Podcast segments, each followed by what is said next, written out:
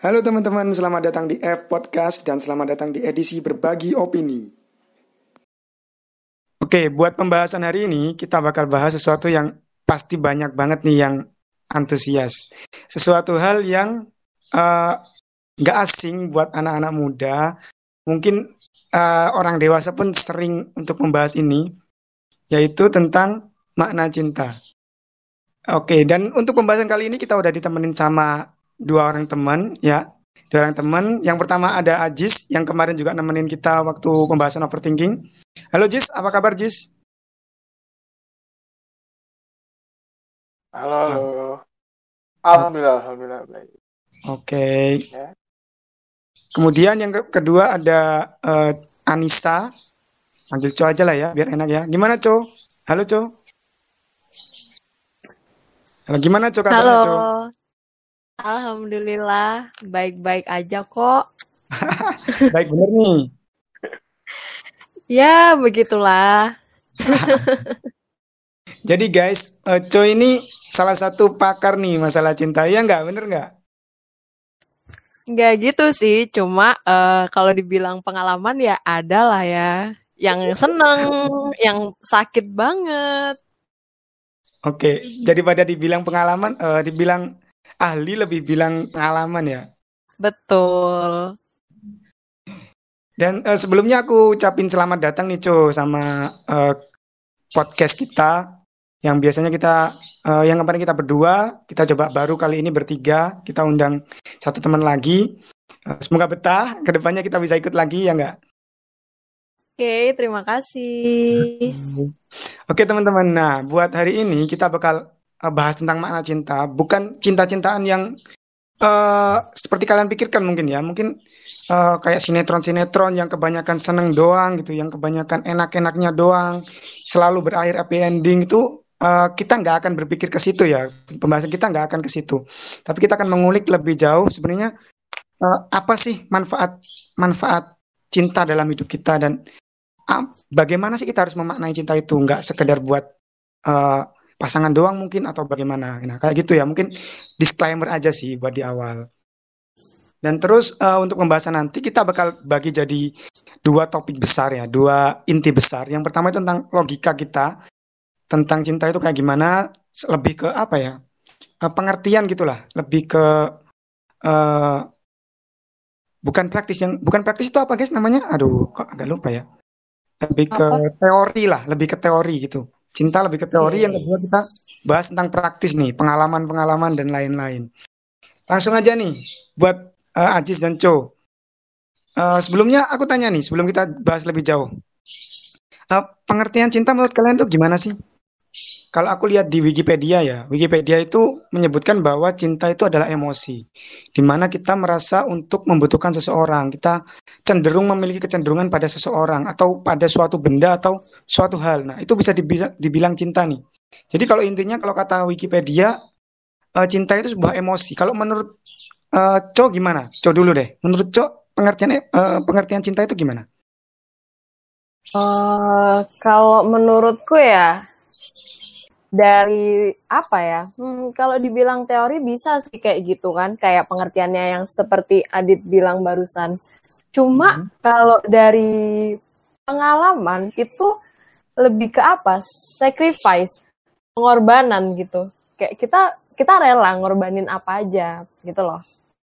Mau ke siapa pun, mau ke pasangan, mau ke teman. Kalau misalnya ya kan judulnya cinta kan, ya itu kalau udah cinta mah udah apa aja dikorbanin.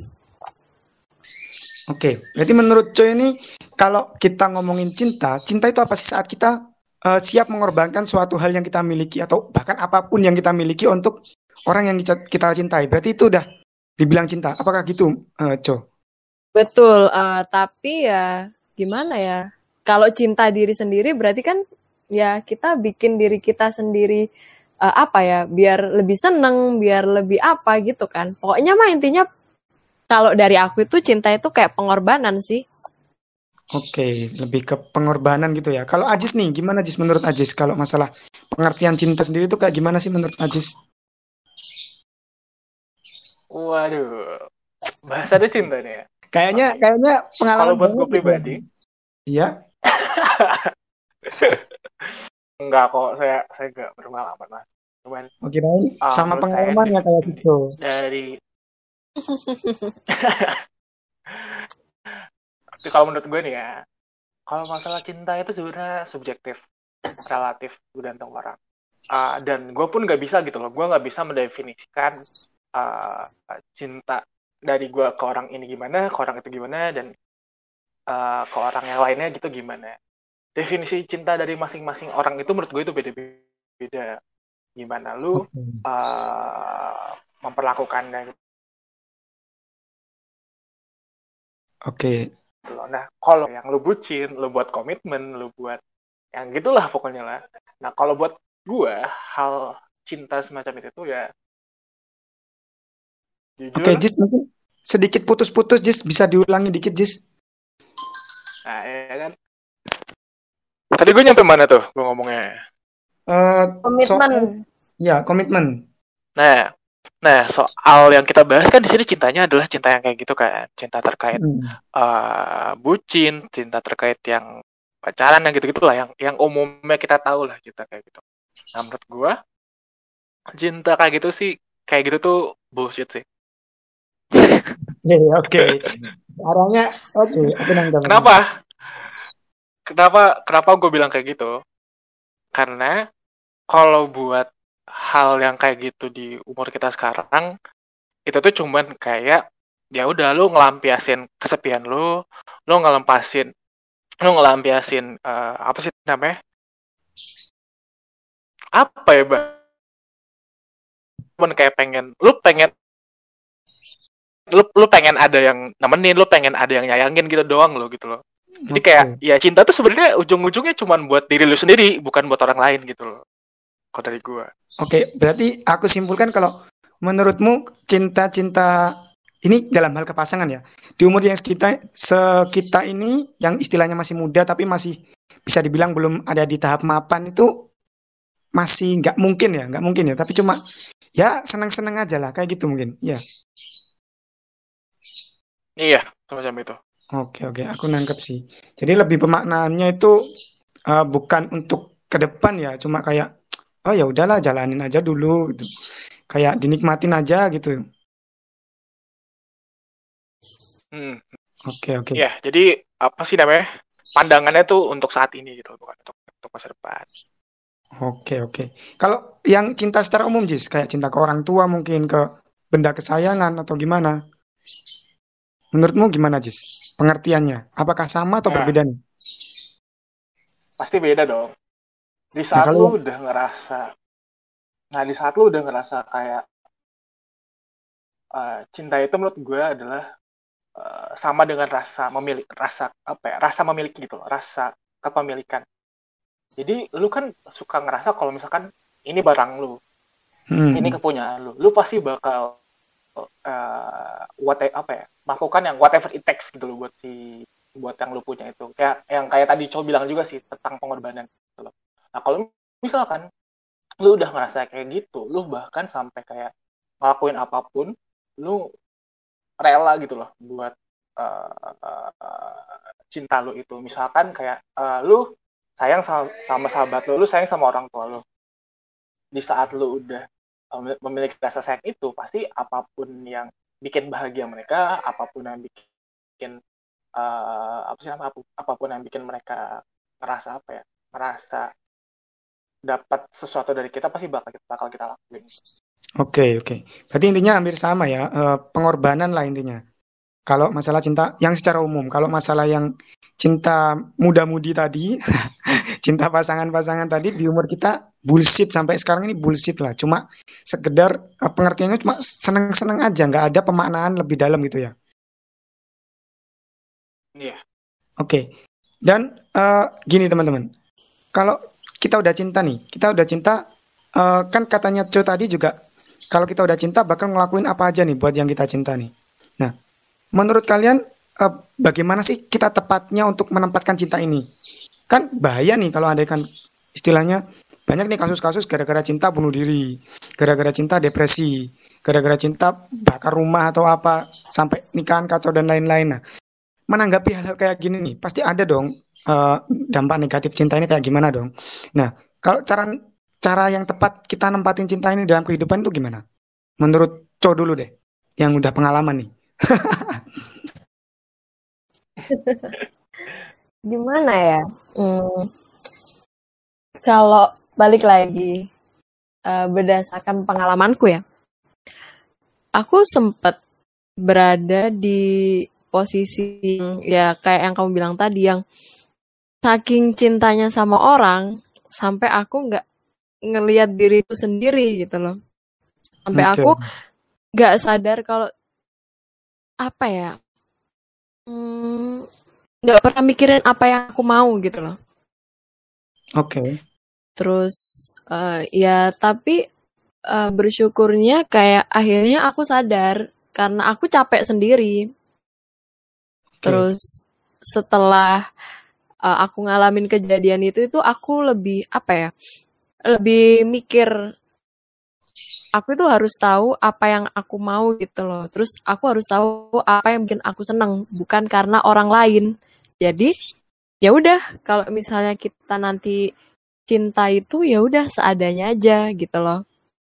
Dan itu yang bikin apa ya? Yang bikin lebih tenang sih jadi kita tahu gitu loh batasannya. Cuma ya mungkin nggak semua orang pernah ngerasain ini ya. Tapi buat aku aku pernah ngerasain ini dan itu kayak nggak enak banget. Kayak kamu nggak tahu kamu nggak tahu kamu itu pengen apa. Kamu itu udah lupa sama dirimu sendiri. Pokoknya yang kamu fokusin itu ke orang itu. Kayak gitulah. Oke, tapi kadang-kadang kan ada ya yang kayak anak yang udah benar-benar cinta gitu. Kalau nggak ngelakuin apa-apa itu kayak nggak puas gitu, cow. Aku pribadi pernah ngerasain sih kayak uh, apakah aku kurang berjuang gitu. Kalau kamu nanggepin yang kayak gitu gimana, Jo?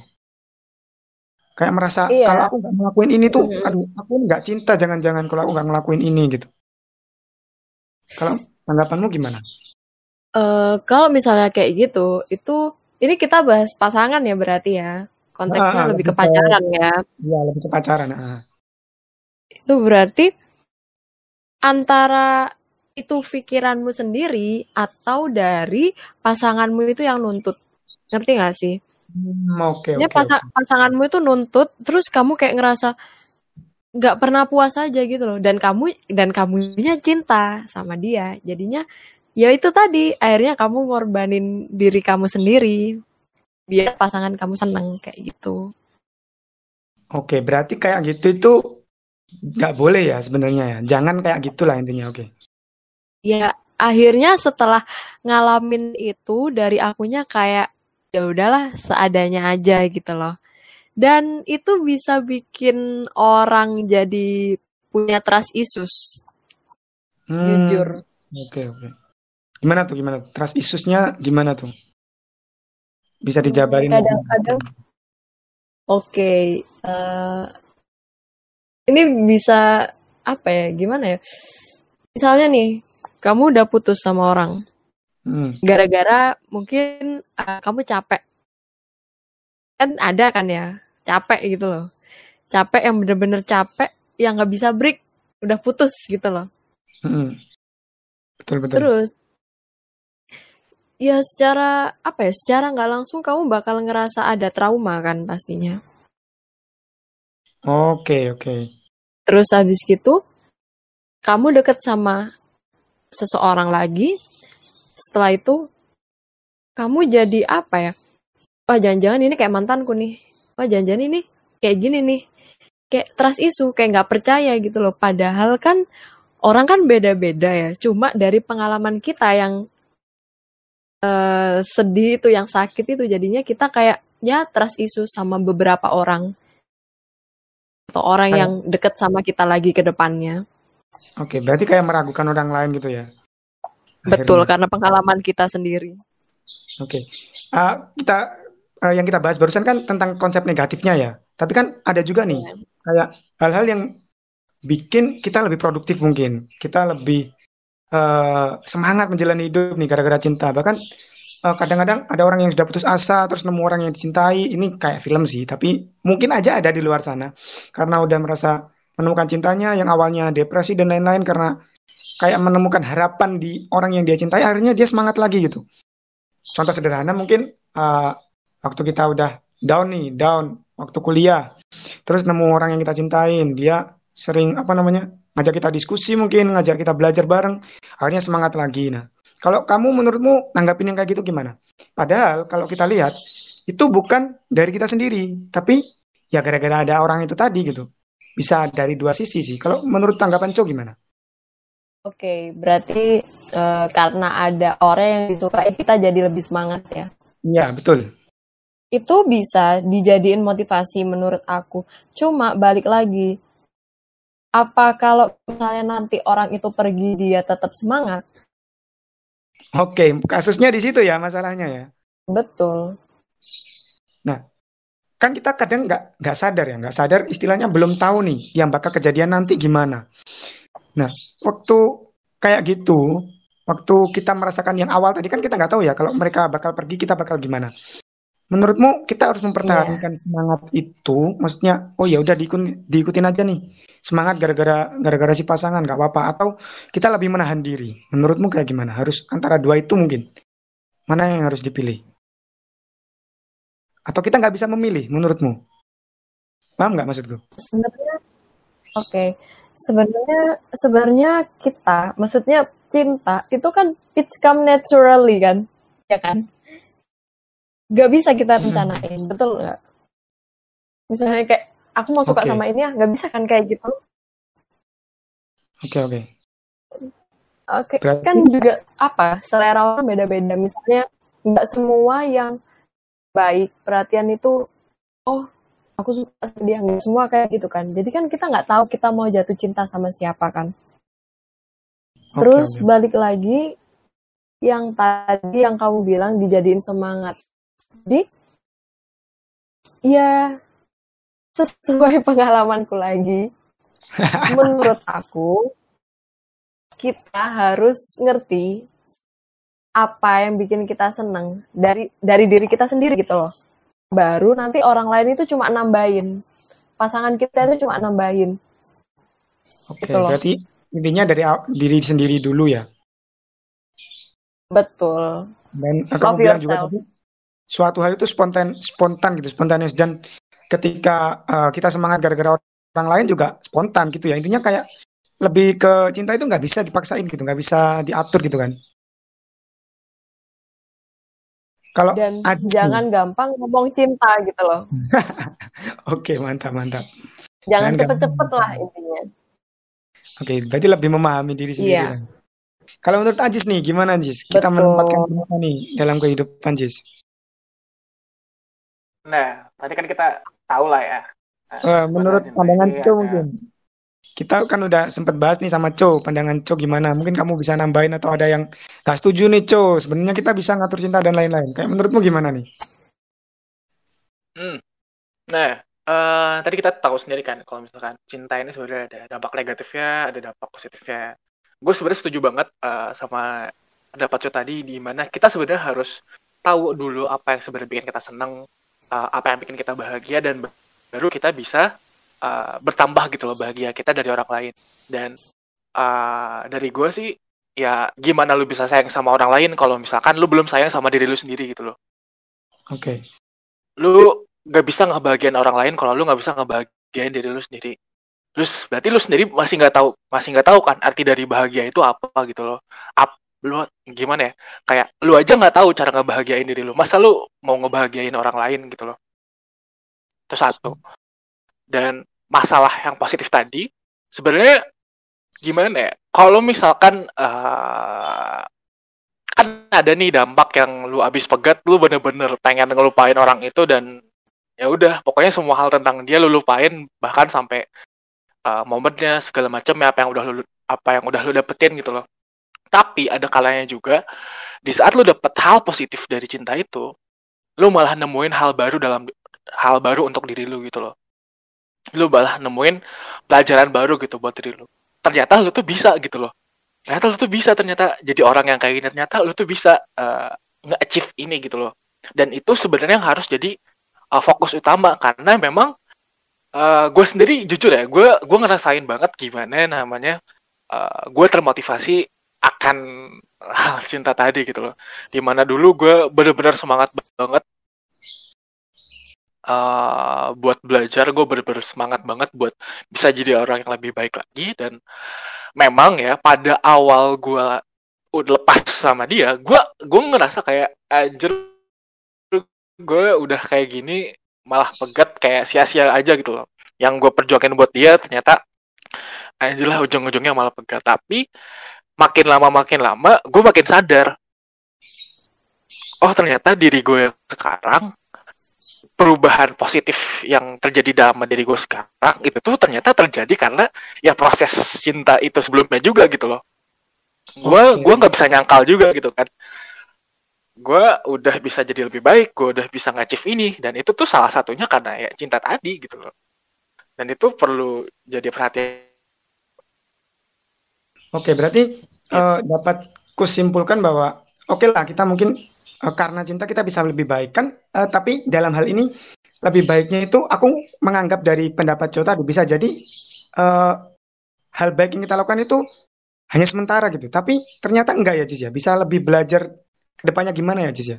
Kalau menurutmu dari pandanganmu tadi kayaknya gitu deh. Apa bener kayak maksudku tadi?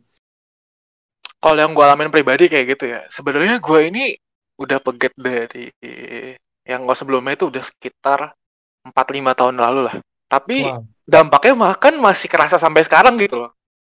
Oke. Okay, masih okay. kayak uh, kerasa banget buat gue bahkan bisa lebih baik lagi dari dari gue yang sebelumnya.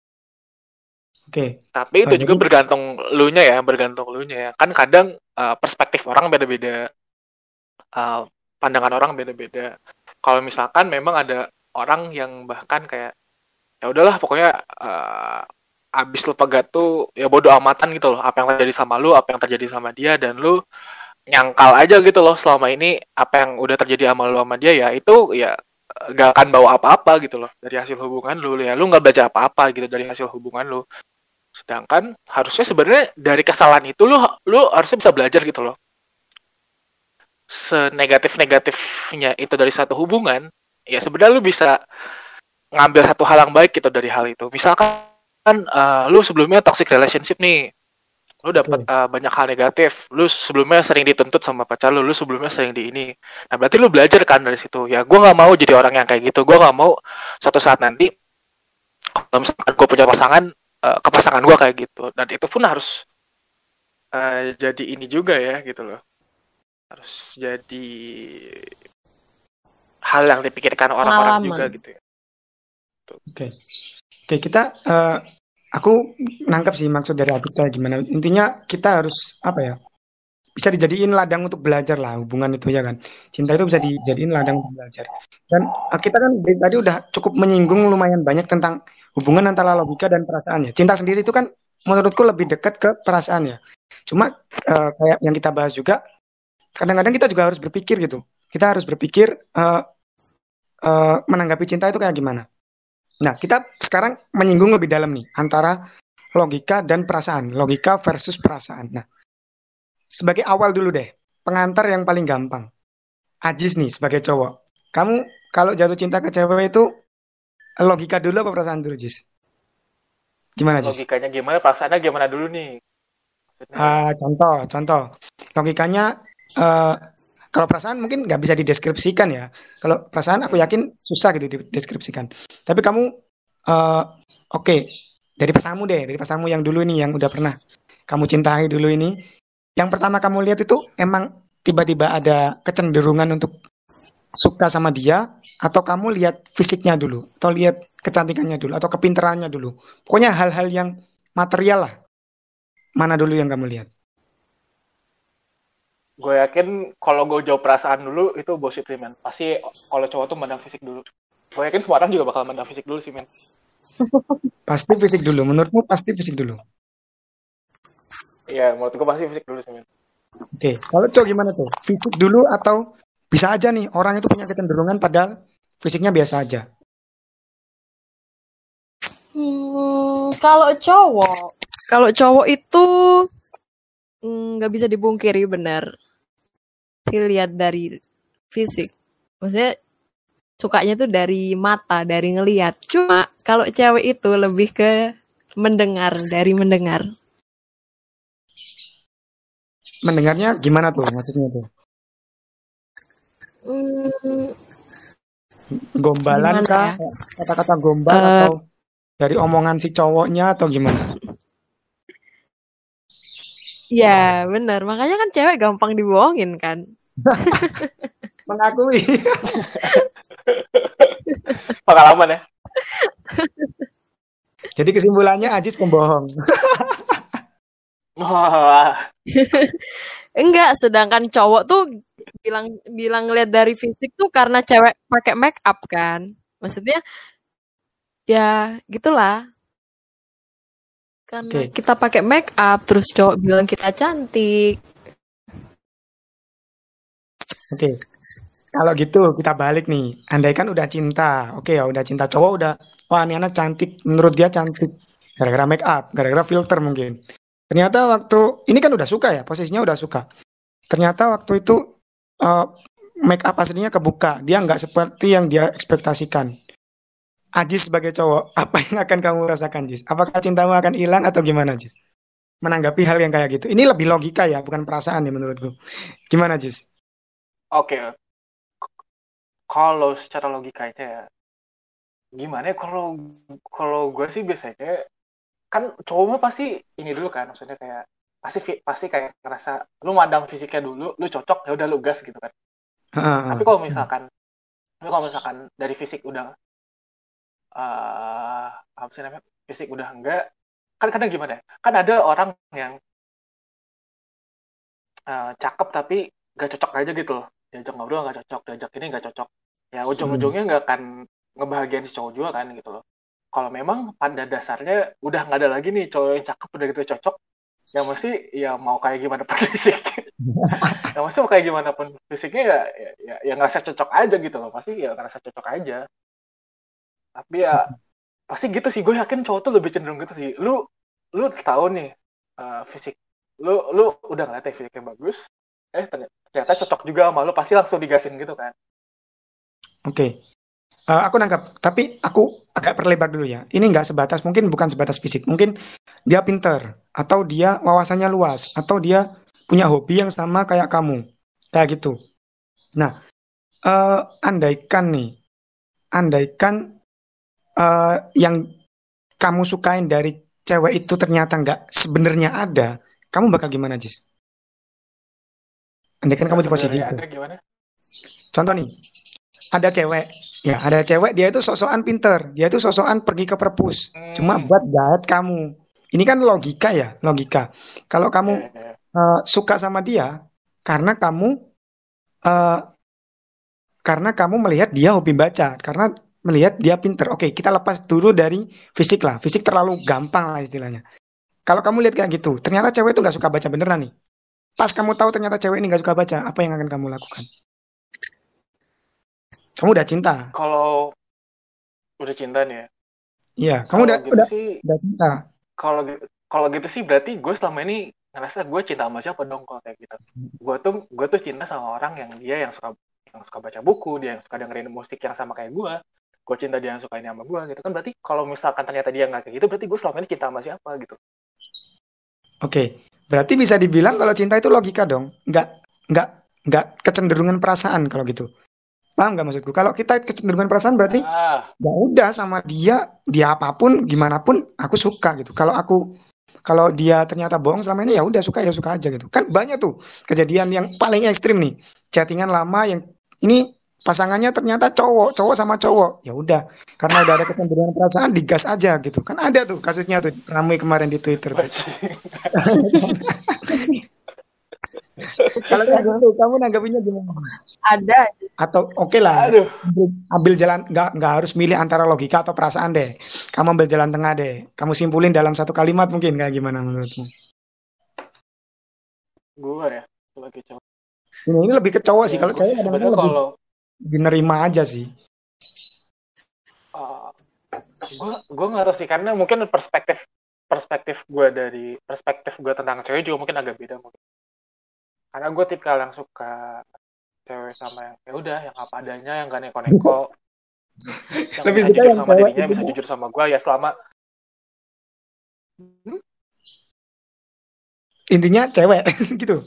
Atau gimana, Jis? Jelasin lebih anu, tadi kepotong sih. Sorry, sorry. Gimana, Jis? oh intinya cewek bener sih. Intinya cewek bener.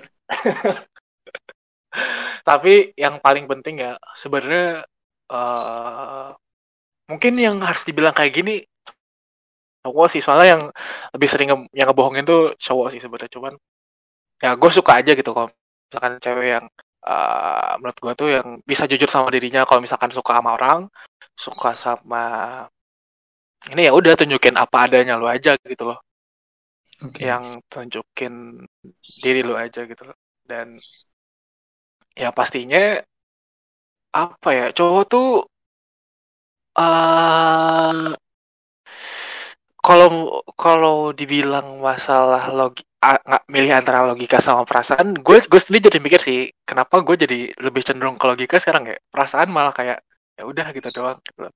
Dan Lebih mengikuti gitu ya kalau perasaan ya. Kayak gimana ya? Logika dulu Iya, lah intinya. Jangan kalau sampai, perasaan pasti jangan sampai goblok dulu gitu. Putus-putus ya suaraku? gimana putus-putus Oke. Oke, nah, sinyal kita mungkin ke, ke Co dulu nih. Kalau menurut Co, gimana Co? Menanggapi yang dikatakan Ajis itu tadi. Setuju atau setuju banget atau gimana? Yang itu tadi ya, yang apa adanya ya. Ah, apa adanya dan emang kita harus logika dulu, nggak bisa kalau tiba-tiba kecenderungan perasaan nggak bisa, harus logika dulu lah pasti. Kalau menurutmu gimana? Kalau Ajis kan tadi gitu ya. Eh, Oke, oke. Bener sih, kayak apa adanya itu yang bikin kita ke depannya nanti ya ngerasa nih anak cocok nggak ya sama kita, nih anak sefrekuensi nggak ya sama kita, ngerti nggak? Paham, paham. Kalau misalnya nggak sefrekuensi ya udah nggak usah dipaksain. Oke. Jadi intinya Masih ya banyak kok ikan di laut. Jadi intinya eh, ya tetap ya logika ya. Kan itu kan eh, kalau kita mencari yang sefrekuensi dan lain-lain kan pasti ya masih ada hal materialnya gitu kan. Nggak nggak ada nggak langsung kecenderungan perasaan gitu. Nggak cenderungan oh aku oh ternyata dia ini dia itu kayaknya baik nih buat aku. Enggak ya. Tapi harus tetap logika dulu gitu ya. Oke. Untuk Ajis Ya, eh, meskipun suaraku masih dia baik. Ya loh. Oke lanjutin dulu Ya. tuh gimana tuh meskipun dia baik Meskipun dia baik, dia rajin, dia sopan. Kalau misalnya buat aku nggak sefrekuensi, itu ujung-ujungnya nggak bakal bisa nyatu sih. Kalau dari pengalamanku. oke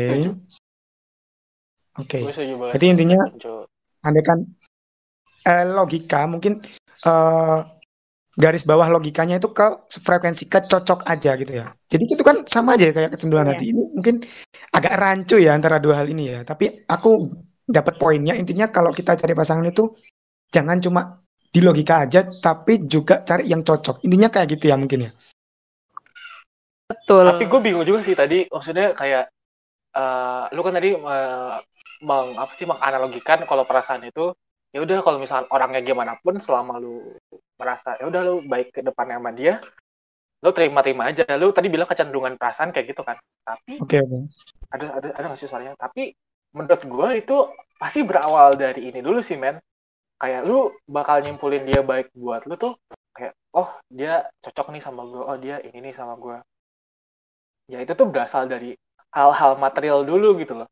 Gak Oke. mungkin lu bilang kayak gitu ujuk-ujuk ujuk-ujuk tiba-tiba ada perasaan gitu kan gak mungkin.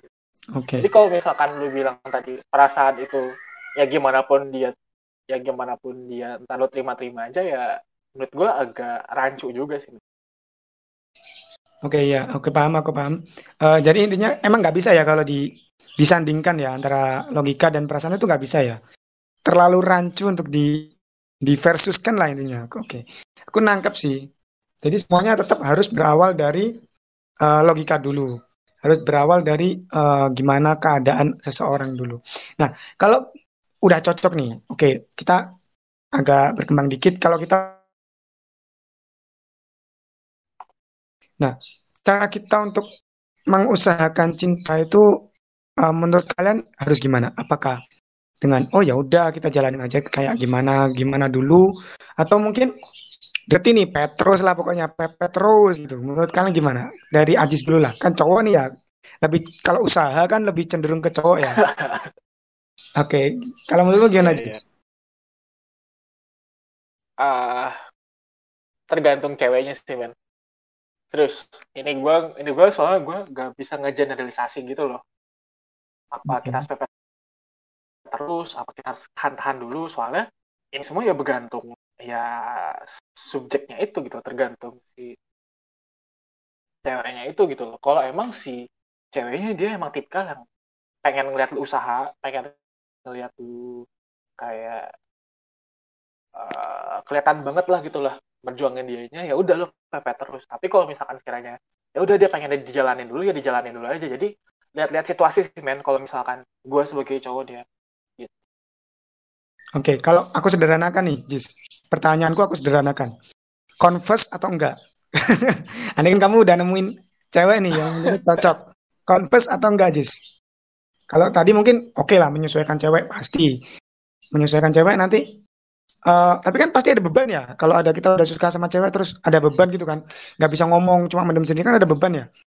Oke lah kalau setelah converse nanti dekat atau enggak, pacaran atau enggak, komitmen atau enggak. Oke, ter- tergantung nanti kayak katamu tadi, aku setuju. Cuma antara converse atau enggak, menurutmu yang mana? Kamu udah cinta banget, suka banget. Nah, nah situasinya lagi memungkinkan buat confess banget atau enggak nih ya ya memungkinkan lah. Kan setiap Nah. kesempatan itu, setiap hal itu ada kesempatan nih. Gimana menurutmu nih?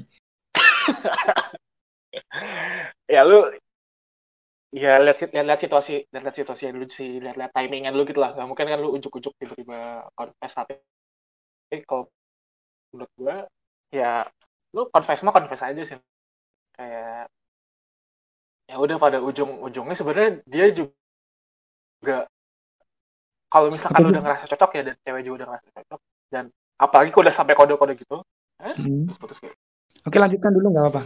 Barusan itu agak putus-putus, Jis, tapi udah nyambung lagi kok. Eh eh, dari gue situasional sih men. Kayak misalkan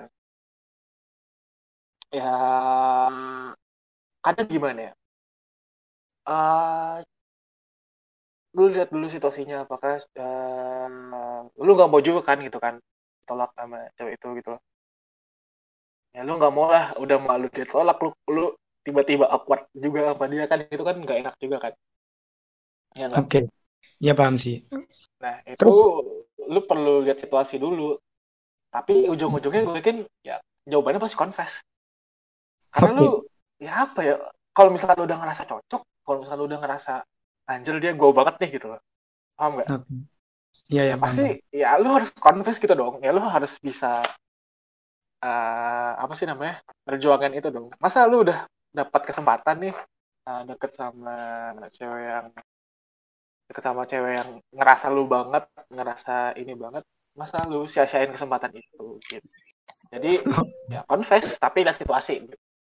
Oke. Jadi dalam hal ini aku lihat situasi yang kau maksud tuh intinya tetap confess, cuma cari waktunya. Iya nggak, Jis? Iya, jadi waktu itu. Cari waktunya. Oke. Kapan waktu yang tepat gitu ya. Terus aku beralih ke Co nih. Co, kalau kamu disukain sama cowok nih, kamu nggak tahu nih kalau tiba-tiba aja lah teman kelas lah, teman kelas eh, sebenarnya udah, udah merasa sama kamu. Kamu lebih milih dia confess atau enggak, Co? Aduh, gimana ya? Eh, kok kejadiannya ini ya? sebenarnya pengalaman aku sih. Gimana tuh? Gimana tuh? Serius dan ini kayak baru-baru aja. si Adit gak datang semalam jadi nggak tahu cowok Boleh apa Nggak tahu diceritain? Ya berarti nanti di belakang layar ya, Co. Aku tunggu loh. Ya, ya gimana ya kalau dari aku, aku mah orangnya santai. Kalau dia mau confess ya nggak apa-apa. Aku bukan tipe orang yang eh, dia suka sama aku, terus aku nggak suka, terus aku ngejauhin dia gitu nggak. Aku tetap lakuin dia biasa aja. Gitu Oke. sih. Dan menurutku uh, itulah Ya, yang dan diinginkan semua mungkin cowok sih kalau kalau andaikan confess ya nggak Jis? Iya, betul. Jarang banget nemuin cewek yang gitu, coy. Oke, ya, kamu bisa kayak Biasanya gitu tuh ya, lu abis confess awkward banget, coy. Iya, mungkin eh, semoga aja ke depannya ada perasaan gitu karena dia yang ngejar banget. Kan kita nggak pernah tahu. Oke, jadi intinya confess gak apa-apa gitu ya, aman lah. It's Kalau okay. sama cowok. Iya. Ya lagian kita udah gede juga, ngapain pakai malu-malu. Oke, mantap sekali. Oke, itu tadi kita Jadi udah bahas. silakan ya yang Silakan yang mau confess ke silakan yang mau confess sama cowok. Kalaupun nggak diterima, kalian bakal diperlakukan dengan baik kok. Minimal sorry lah, simpanan. Kayak gitu dong. Oke, kita barusan udah bahas uh, banyak hal nih tentang uh, pola pikir kita tentang cinta, menyatukan apa ya, tentang uh, teori-teori tentang cinta kayak gimana sebenarnya bagusnya kayak gimana. Sekarang kita ke sesi yang agak seru nih tentang prakteknya kayak gimana, praktisinya kayak gimana. Dan kalau praktek ini nggak akan jauh-jauh dari pengalaman. Dan tadi Joe udah sempat bahas beberapa hal nih tentang pengalaman. Mungkin habis ini kita ulik-ulik lagi lah ya. Kita uh, apa? Kita uh, buat pelajaran bareng itu. Tapi sebelum ke situ, aku pengen nanyain dulu buat uh, Aji sama Joe. Menurut kalian status itu penting apa enggak sih? Contoh tentang komitmen, pacaran atau ya udah temenan aja. Kalau Ajis milih mana Ajis? Andai kan kamu suka sama cewek. Eh, gue pribadi untuk saat ini sih enggak ya. Nggak penting ya? Gue nggak mandang status itu sebagai satu hal yang penting. Oke. Karena ya ujung-ujungnya status yang bakal benar-benar lu terima tuh nanti pas udah nikah atau enggak nanti kan gitu kan. Kalau misalkan sekedar kayak pacar lu pegat biasa lagi kan ya udah lu berarti ya nggak ada bedanya sama sekarang gitu kan. Buat gua. Oke. Oke, aku cukup setuju sih sama itu karena menurutku emang status itu pernah aku menganggap status itu penting soalnya eh, apa namanya? Mungkin eh, ketika kita Biar gak direbut memiliki orang. Ah, betul betul. Nggak biar nggak direbut orang gitu. Tapi sekarang emang kayak ya udah kalau dia emang suka suka aku ya udah, suka ya udah, kalau nggak tiba-tiba udah nggak suka ya udah gitu kan. Aku cukup setuju nih. Ya, Tapi ya, mungkin gitu. Ada pandangan lain gitu. Ah, nggak bisa nih kalau nggak status itu menunjukkan ketidakseriusan. Kata-kata Firsa Bersari dulu gitu tuh soalnya. Kata-kata jalani aja itu udah menunjukkan tentang ketidakseriusan gitu. Apa kamu setuju Jis, sama itu? Jis? Aduh, kerasa kesindir banget tuh.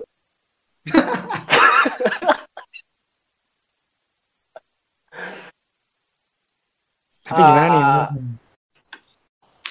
Di satu sisi gue setuju sih, men. Kayak kata-kata jalannya aja tuh some point ngebatasin lu gitu loh. Sedangkan kalau misalkan lu punya status, lu punya ini kan kayak ya udah lu emang uh, nganggap dia cewek lu gitu kan kayak ya udah lu uh, banyak banget yang bisa inilah gitu. Tapi di saat lu kedengeran nggak enggak kan? Iya, kedengeran lumayan kenceng Jis. Ada iklan dulu ya guys. Aduh. Gak apa-apa, santai-santai. Tapi udah cukup. Oke, udah hilang. Udah balik lagi.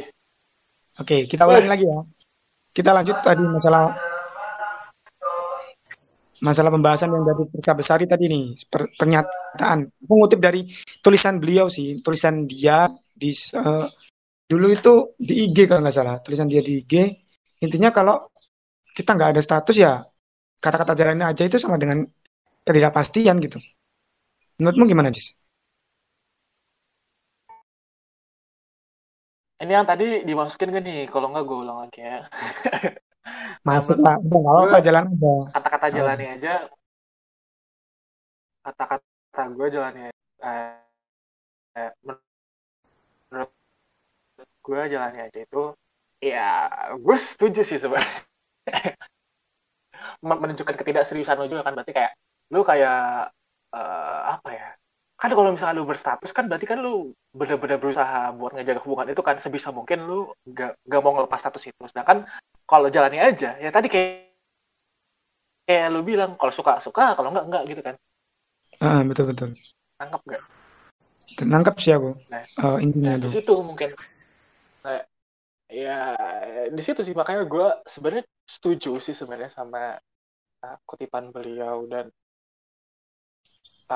dan ya gimana ya? Bu- buat sebelumnya ya gue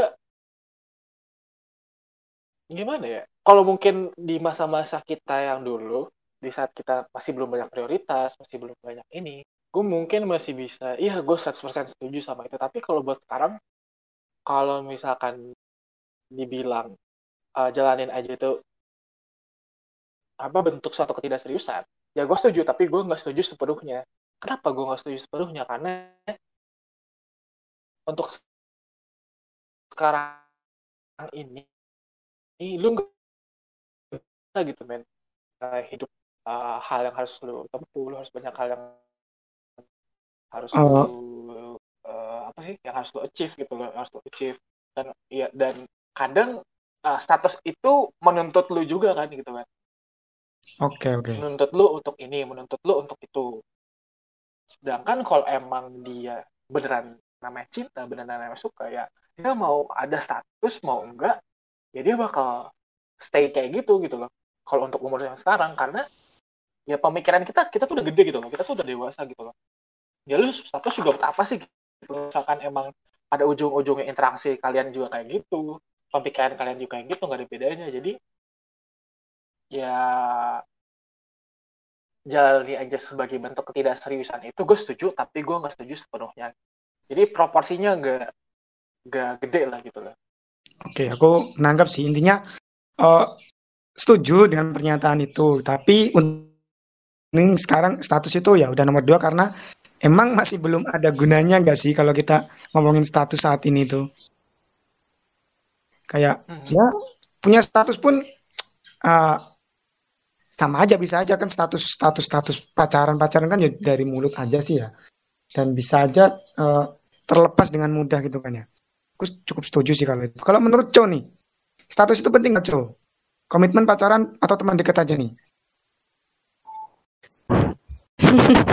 temen deket eh kayak yang dibilang tadi kan, jalanin aja itu udah nunjukin ketidakseriusan ya.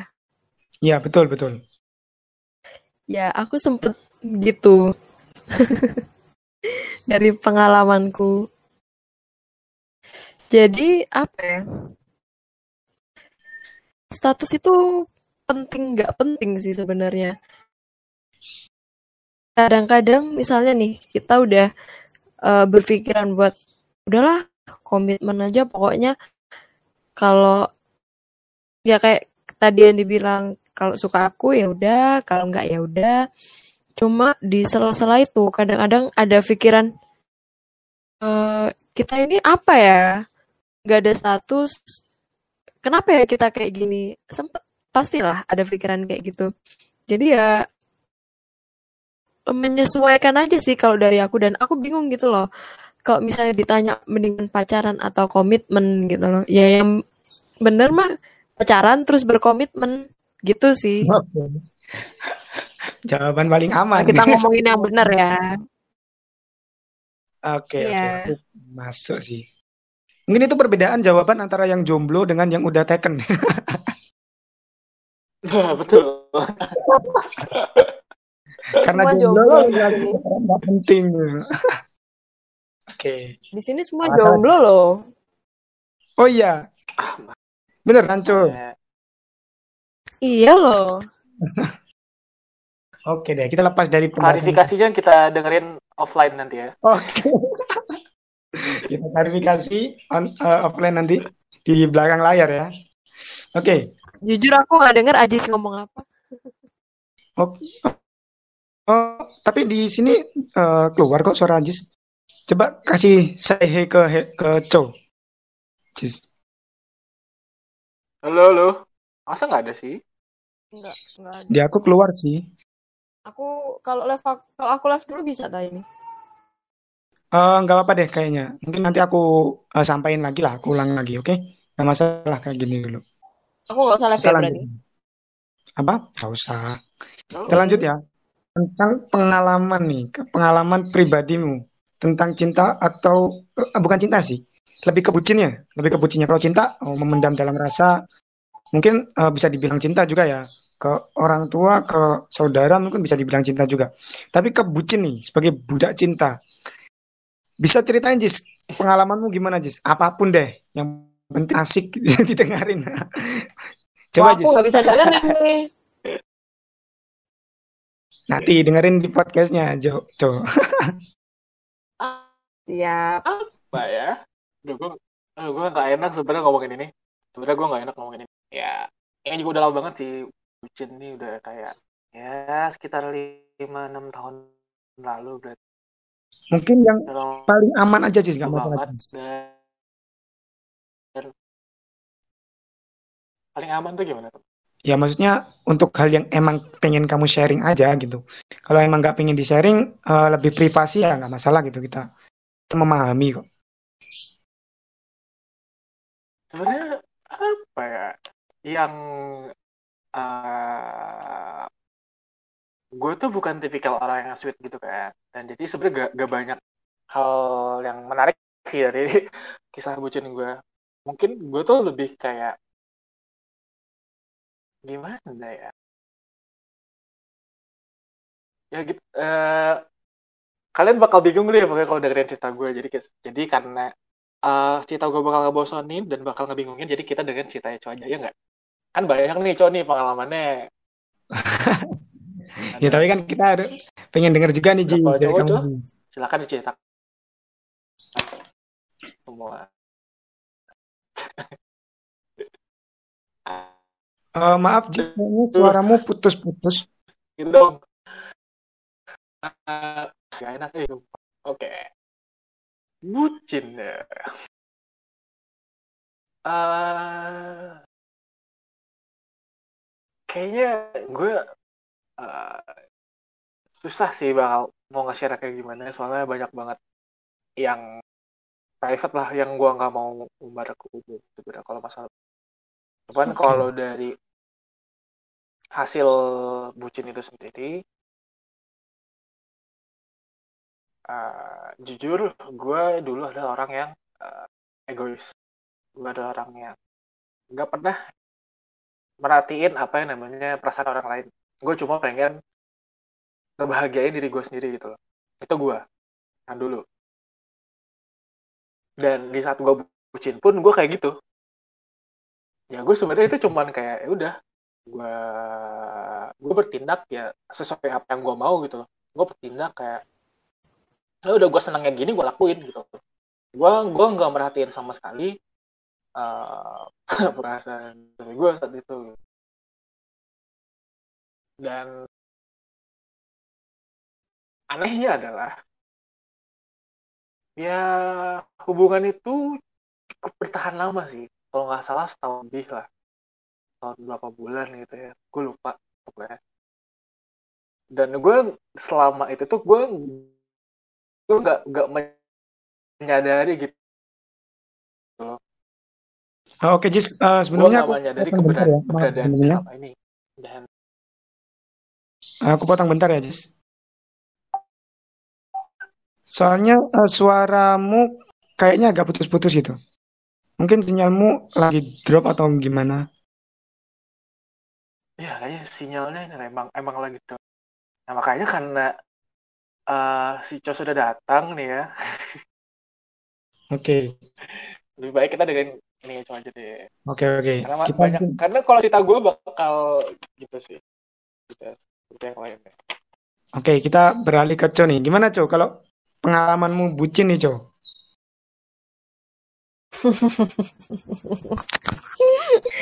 Pengalaman gimana nih? Terserah deh apa aja yang ingin kamu ceritakan lah. Mungkin yang sampai sekarang mengganjal dan mungkin aman untuk publik, tapi kamu nggak bisa nggak punya tempat cerita dan lain-lain nih. Atau mungkin eh, emang pengen kamu share aja di sini gitu. Pengen orang lain banyak yang lebih denger gitu. eh, lebih banyak yang dengar gitu. Eh, ini udah bahas ke pengalaman ya berarti ya. Yap, Jadi aku bisa cerita ya. boleh tuh langsung cerita aja nggak masalah. Apa pun deh. Oke. Mungkin bisa Ya. menjadi pelajaran buat teman-teman yang lain. Oke, jadi aku mau cerita. Hmm, aku sempat punya cowok dan eh, dari pengalaman eh dari apa ya pacaran yang kemarin ini sama cowok ini tuh banyak banget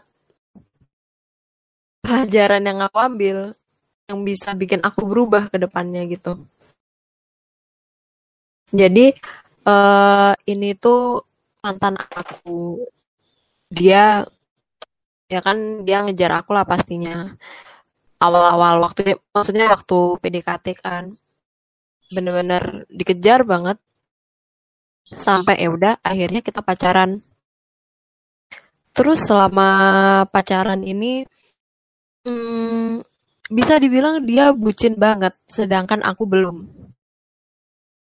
Oke. Terus terus eh, tapi aku nyadar kalau waktu aku pacaran sama dia ini, aku masih apa ya, masih ada trauma sama orang sebelum dia. Jadi aku nggak ngasih semua perasaanku. Dan ya itu tadi aku jadi orang yang punya trust issue gede banget. Terus eh, kesalahanku juga adalah naruh kebahagiaan ke dia gitu loh, bukan ke aku sendiri.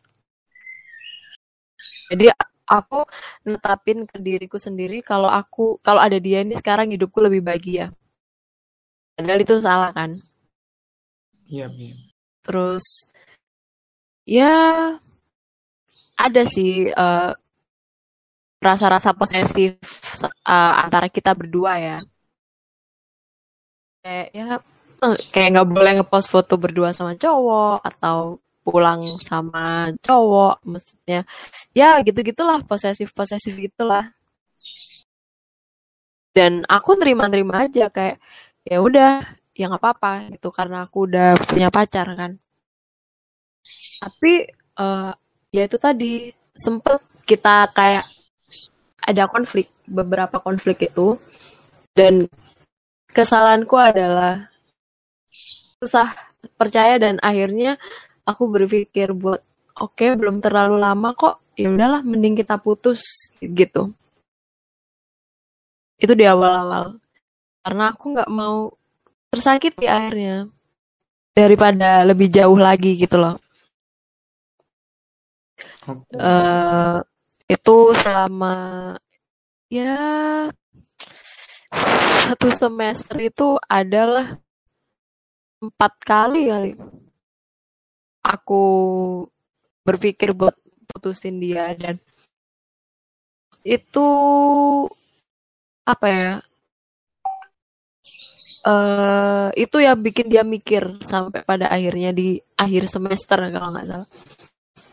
Dia ngerasa aku nih udah ngasih semua ke Co tapi Co kenapa mutusin aku?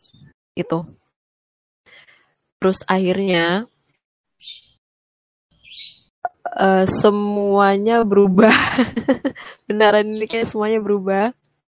Setelah sakit hati menyerang. Eh selama dua bulan setelah itu. Cuma sebelum ini tuh aku sempet eh, disalahin lah sama dia karena nilai dia jelek. Karena dia bilangnya aku terlalu fokus ke kamu. Padahal aku nggak minta. Akhirnya Oke. dia nyalain aku. Dia nyalain aku terus misalnya nih kalau main main main main ML itu aku yang disalahin karena eh, kita tengkar terus dia bilang dia jadi nggak fokus gitu loh intinya apa pun kegagalan dia itu gara-gara aku Oke. Padahal kamu Ditambah minta. Karena aku kamu nggak nggak minta. Aku kayak ya udah seadanya waktunya kuliah ya kuliah, waktunya main ya main, waktunya sama aku ya sama aku gitu loh. Waktunya kamu main sama temenmu ya silahkan kayak gitu. Ini sama aja kayak kasus yang ada cowok ngasih cewek-ceweknya terus waktu putus ditagih itu ya. Ya mirip lah. Enggak dong, enggak gitu. Nggak maksudnya eh, pengandaiannya lah, ekstrimnya lah, ekstrimnya. Enggak, menurutku lebih kayak ke deny deny real ini aja sih. Dia kayak nolak realitinya aja gitu loh. Kalau misalkan sebenarnya ya ya mereka udah putus gitu si cuma dia udah putus terus berarti ya apa hubungannya lagi gitu loh si sama dia kenapa masih harus disalahin Oke. Loh, belum putus ini, masih pacaran. oh belum Belum. Intinya justru kamu yang disalahin terus tentang kesalahan yang dia bikin gitu ya. Iya, kayak ayolah, kamu itu cowok salahin diri kamu sendiri lah, gitu kan. Terus dia sadar dan dia berubah jadi orang yang lebih produktif. Terus sebagai pacar kan aku seneng ya. Cuma eh, pada akhirnya itu dia yang kayak hmm, berubah ke akunya. Jadi kayak apa ya? Dan aku itu nggak tahu dia kenapa. Cuma bener-bener sampai sekarang sampai sampai kita putus nih sampai sekarang nih aku juga nggak tahu dia kenapa. Cuma ya dia bilang dia pengen fokus sama eh nya pengen fokus sama keluarganya tapi buat aku itu bullshit karena kita kayak udah komitmen dari awal. Kayak semua orang itu ada masalah semua orang itu bisa kok pacaran disambi sama kuliah atau apa. Jadi itu kayak menurutku itu bullshit dan ya itu ngubah aku selama dua bulan itu. Kayak aku jadi bener-bener orang yang sensitif aku jadi orang yang lebih posesif aku sempet nggak bisa fokus sama pelajaranku gitu kayak ya gitulah. Dan akhirnya aku capek aku nyerah. Dan itu maksudnya nggak worth it hubungan ini. Jadi akhirnya aku sadar. Itu yang ngubah aku. Akhirnya aku kudu kayak gini dulu. Aku ngerasain sakit gini dulu baru aku bisa ngerti apa yang aku mau. Dan dia itu bukan orang yang bisa bikin aku bahagia. Jadi aku bahagia itu dari diriku sendiri. Kayak gitu Oke, eh, udah cok? udah Mau saya lanjut lagi? Oke, kita bisa menangkap suatu hal yang sangat penting banget gitu ya dari cerita cowok intinya. Jadi cowok itu jangan kayak gitu. Bisa-bisanya ceweknya disalahin. Oh, orang ceweknya nggak ngapa-ngapain juga, nggak ada yang minta juga. Wah, parah sih. Aku juga ikut kesel nih jadinya nih. Bisa-bisanya asli. Sangat oke lah, kita bisa nangkap pelajaran intinya kayak cinta itu bisa jadi suatu hal yang ekstrim gak sih? Kayak, waduh, semua hal tentang dia, semua hal tentang uh, apa yang kamu lakuin semua berhubungan dengan dia. Padahal nggak nggak nggak kayak gitu. Kita tergantung ga- bagaimana kita menempatkan cinta itu sendiri menurutku kan. Dan itu Betul. gila juga sih sampai kayak gitu ya. Dan kita juga sempat dengar tadi pendewasaan dari Cho kayak gimana ya. Intinya kita bisa dapat pelajaran lah dari pelajaran Cho tadi, dari cerita Cho. Oke, makasih Cho buat ceritanya ya. Cukup mem- mem- apa ya, membangkitkan emosi sih. bikin kesel ya Cukup bikin kesel. Oke, kita lanjut nih. Andaikan Cho, kamu nanti akan bertemu lagi, pasti dong kita akan bertemu dengan orang-orang yang dan Aji juga nih, Aji juga. Kalau nanti kita bertemu dengan orang yang menurut kita cocok lagi sesuai dengan yang kita bahas tadi tentang logika dan lain-lain, menurut kita udah cocok. Eh, nanti andaikan ketemu sama orang itu, orientasimu bakal gimana nih? Apakah aku akan menjalin hubungan, komitmenku akan sampai nikah? Atau ya udah jalanin aja dulu, kita pacaran dan ya biasa aja lah kayak gitu. Menurut kalian kayak gimana? Dari Cow dulu deh, yang baru aja mengalami patah hati nih. Kok gitu? Kalau kamu kamu cowok yang eh, oke lah sesuai sama kamu banget nih, kamu bakal kayak gimana menanggapi itu? Apakah akan mengu- mengulang kejadian yang sama atau akan dijadikan pelajaran atau gimana nih? Ya pastinya dijadiin pelajaran ya karena yang kemarin itu benar-benar nggak kuat aku ngadepinnya. Hmm, ya kalau misalnya kamu nanya lagi nih, komitmen apa pacaran, apa pacaran sama komitmen, itu jawabanku adalah pacaran sama komitmen. Tapi pacaran sama komitmen itu menurut aku kayak nggak nggak cepet. Maksudnya prosesnya lama banget. Jadi aku bisa nentuin oke kita pacaran dan berkomitmen. Karena eh, niatanku buat pacaran itu ya udah aku punya pacar. Akhirnya aku bisa fokus eh, aku kuliah, aku produktif karena kayak ya udah aku udah punya pacar. Jadi percintaanku ya udah pacaran itu bukan yang masih ngejar-ngejar, ribet, galau gitu loh. Oke, jadi menjadikan pacaran itu sebagai proses intinya. Iya. Untuk Oke. menikah pastinya karena ya umurku udah 20 dan ngelihat kanan kiri udah nikah itu rasanya ada gitu loh. Pengen. Oke, oke. Dan dan Kita bedanya wajib jadi info aja nih, Cok. Aku udah 21, Cok. ya kan beda-beda orang mau nikah kapan. Oke, oke, oke. Intinya gitu ya. Aku cukup nangkep sih. Intinya eh, pacaran itu sendiri bukan final ya, bukan tujuan akhir lah, tapi bagaimana kita berproses sampai menikah. Dan menikah pun sebenarnya bukan bukan tujuan akhir, juga bagian dari proses kehidupan kita gitu kan. Mantep sih.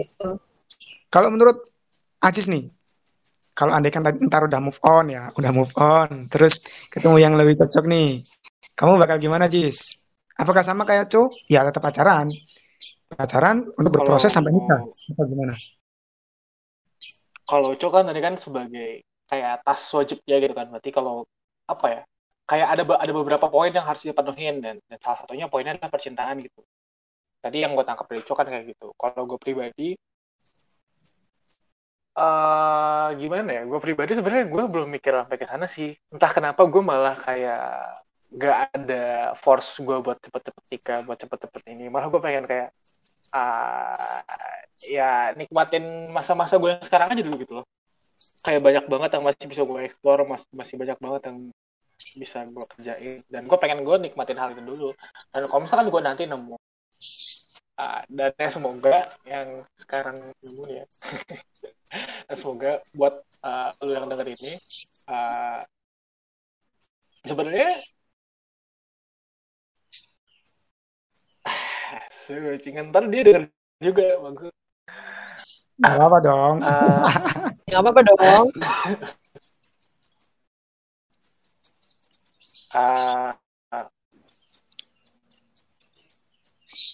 Uh, susah ngomong. Oke, kalau mungkin agak berat buat Ajis, mungkin kamu bisa nata-nata dulu nih. gue mau berproses. Kalau kita ke Co dulu nih. Eh, Co, Iya. kamu Oke oke kita lanjut Ajis. Kayaknya udah udah cukup nyambung nih. Gimana Ajis? Kenapa, kenapa yang tadi? Ya ya yang aman aja lah, yang aman aja. yang sekiranya jangan jangan kedengeran atau mau privat aja ya nggak masalah. Gini sih. Tentunya, eh, eh, buat gue pribadi untuk membuat apa namanya komitmen ke depannya, ya ten- tentunya gue harus jadi orang yang bisa untuk di umur segini ya, untuk di umur segini ya berarti gue harus bisa bisa di apa ya, bisa jadi sandaran gitu loh buat buat pasangan gue gitu kan. Berarti ya kalau misalkan gue memungkinkan untuk berproses itu bareng-bareng sama dia, ya tentu gue bakal milih berproses gitu loh.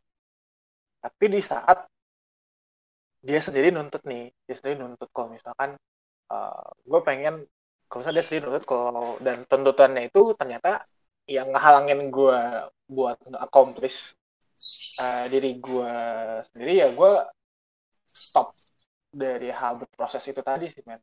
Soalnya kan kalau cowok kan tanggungannya kan selain buat diri sendiri kan buat diri dia juga gitu kan sedangkan kalau cewek kan seminimal minimalnya diri sendiri dan ya kalau mau sama-sama berjuang juga ya bagus gitu dan gue nggak mau kalau misalkan di umur udah di umur segini tuh gue masih gak bisa jadi cowok yang gak, bisa diandalkan gitu gue nggak mau jadi cowok yang gak bisa uh, jadi sandaran buat gue dan tentunya uh, prioritas gue atau pandangan gue ke depannya itu dulu gitu loh. Okay. Kecuali kalau memang ceweknya nggak nuntut akan atau kok misalkan ceweknya apa ya pengen sama-sama berproses akan satu gitu. Kalau nggak mau berproses kalau nggak mau berproses bareng-bareng ya udah buat apa dilanjutin kalau misalkan.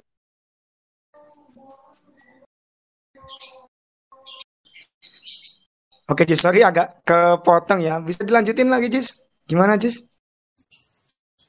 Nah, kalau dari versi gue sendiri sih ya, bucin bagi gue itu adalah satu proses lu tumbuh sih. Jadi manusia yang lebih baik. Kayak. Uh, buat kalian semua mungkin bucin adalah ya udah, lu pacaran ya, lu uh, apa sih namanya? Menuhin kesepian lu, menuhin kesendirian lu gitu kan. Tapi bagi gue bucin itu yang selam yang kemarin pengalaman gue bucin itu bucin adalah bucin itu ya satu proses gitu loh satu proses buat lo tumbuh jadi manusia yang lebih seutuh ya gue akuin aja nih gue nih dulu adalah orang yang bangsat gitu ya. Gue adalah orang yang bajingan. Gue tuh dulu bukan tipikal orang yang bisa ngobrol sama orang. Gue bahkan dulu itu adalah tipikal yang ah, lu butuh apa baru baru baru gue ngomong gitu loh. Tapi ada satu cewek yang entah kenapa bisa dekat sama gue yang bisa stay sama gue bahkan ya cukup lama gitu loh tahun lebih lah. Dua tahun kayak nggak deh kurang deh tapi ya mendekati itu tapi gue di situ ngerasa kayak uh, uh, walaupun di awalnya lu ngerasa ya bucin itu kayak tadi gitu bucin itu adalah ya udah lu menuhin uh, kesepian lu lu menuhin uh, kesendirian lu tapi di balik itu ternyata adalah ada tapi di balik itu ternyata ada satu proses di mana lu tumbuh udah gitu dari dari hal bucin itu yang lu nggak sadari sebenarnya. Kayak okay. tadi Cojo kan ini kan kayak Jo Jo juga tadi belajar kan dari pasangan. Kayak, uh, tentang apa sih namanya tentang kebahagiaan dari diri sendiri itu tadi dari cerita Jo nah dari gue adalah ya bucin itu sebenarnya membawa dampak buat lo asal lo nggak ngedinai itu gitu loh. Asal okay. lo nggak ngedinai itu. Dan gue nerima atas uh, pengalaman bucin gue dan itu membawa dampak baik gue sampai gue di saat ini oke okay. siap oke terima kasih Cis buat ceritanya intinya bahwa kita bisa uh, memaknai sendiri-sendiri lah tentang cinta itu gimana oke itu yang terakhir nih pertanyaan terakhir. Satu kata untuk cinta. Ajis dulu. Gimana Ajis?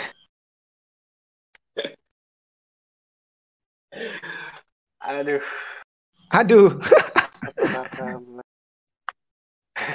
ya itu.